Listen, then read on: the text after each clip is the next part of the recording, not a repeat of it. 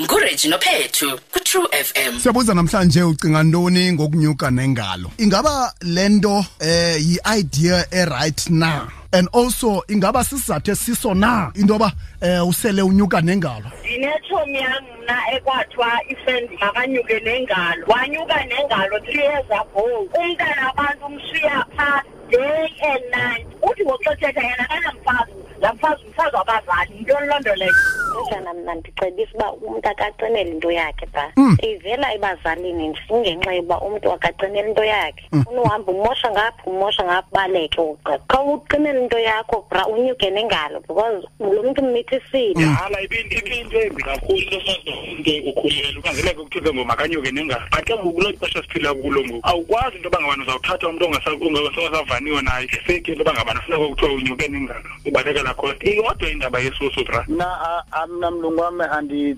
andicingi ukuthi indaba yokunyuka nengalo unless if your heart it tells you to marry the woman. But if you don't want to marry a woman you're forced by the parents.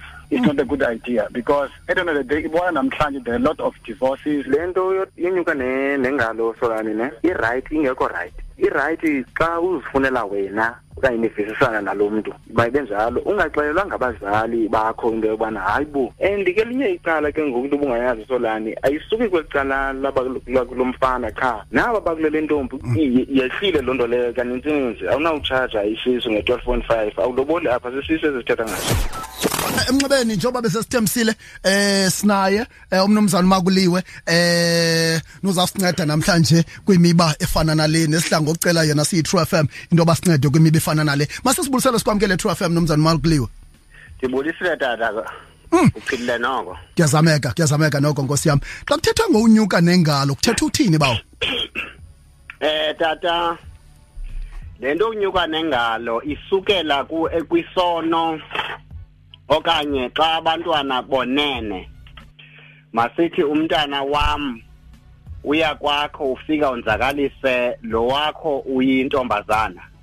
Ngolu hlobo ke kuthiwa kumitha. Laa nto ke leya ngokwesintu ibiyinto embi elihlazo kuthi bazali ngokungakwazi uba ke sibe abantwana sibaqeqeshile ngokuko bakwazi ukuziphatha kakuhle. Kuthi ke kuba ke ngokwesintu kudala imitshato le ibiqulunqwa ngabazali. Uzawuthi wabe uyizisile intombi yakho kum kucala uba unyana wam yavumba elinyala lenziwe nguye kulo mntana.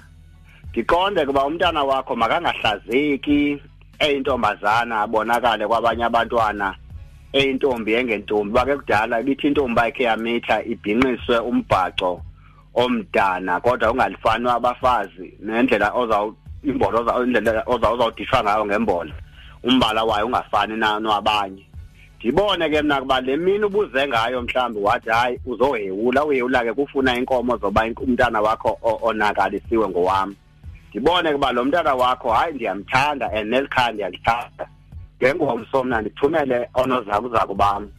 Ndithi hayi sivile kodwa ke kule nto le sinyuka nengalo. Le ntombazana sasoske siyithathe siyizeke.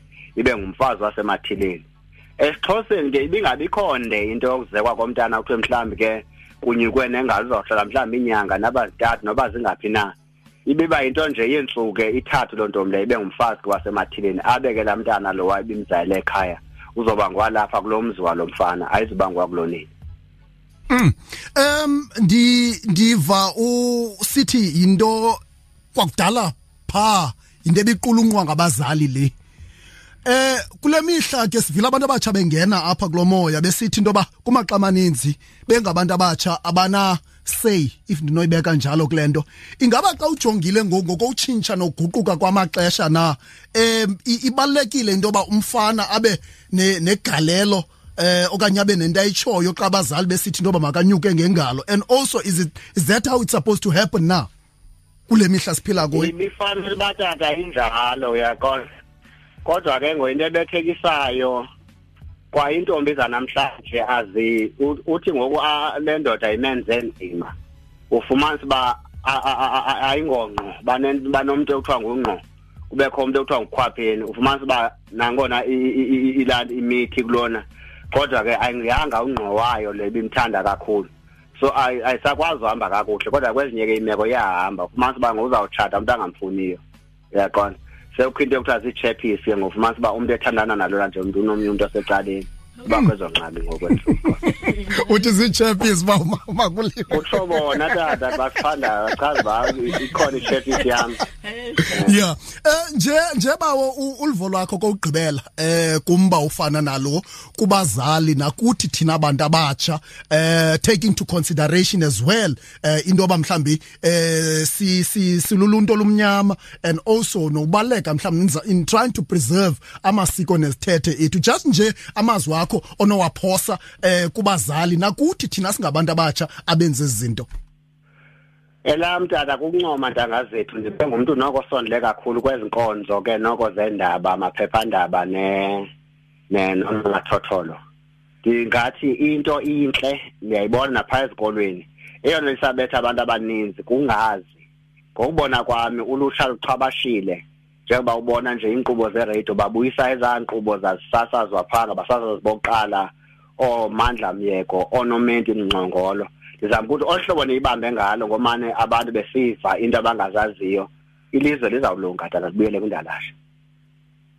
Alright bawo makuliwe. Inkosi kakhulu ngexesha lakho. Sibamba ngazo zibini bawo? Ndibulele nam tata. Alright alright watsho kwavokotheka madoda yeyi. Atsho kamnandi iqheko lakhawuleza layeka futhi. True afternoon, Monday to Friday, 3 to 6 p.m.